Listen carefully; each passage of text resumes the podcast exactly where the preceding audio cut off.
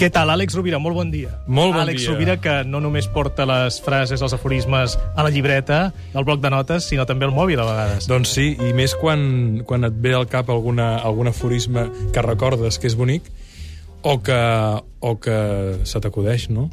Val la pena tenir sempre algú que et permeti enregistrar moments bonics a la vora. Quin aforisme ens portes avui? Mira, avui és una frase...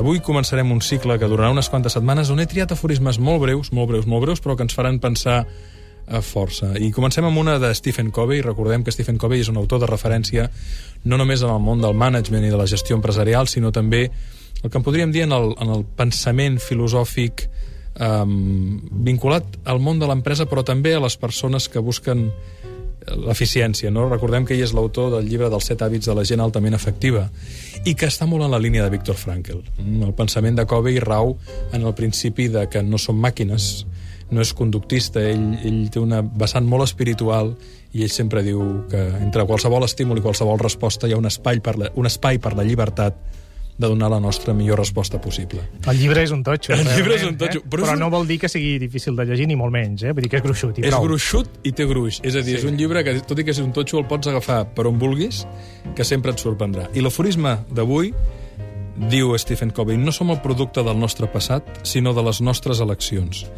D'alguna manera, amb aquesta decisió ens ve dir Covey que no som el resultat del nostre determinisme, de les circumstàncies, perquè moltes vegades podem tenir tendència a emparar-nos en, en el passat, no? i sens dubte hi ha circumstàncies del passat que poden actuar com a ancoratges molt forts que puguin justificar segons quines postures existencials que tenim en el present.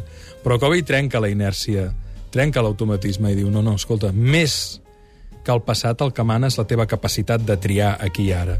Si ens deixem governar pel passat, reaccionarem. Si ens deixem governar pel present, respondrem. Per tant, efectivament, estem molt d'acord, no som el producte del nostre passat, sinó de les nostres tries, de les nostres eleccions. Moltíssimes gràcies, que tinguis molt bona setmana. Fins diumenge. Gràcies, Gaspar.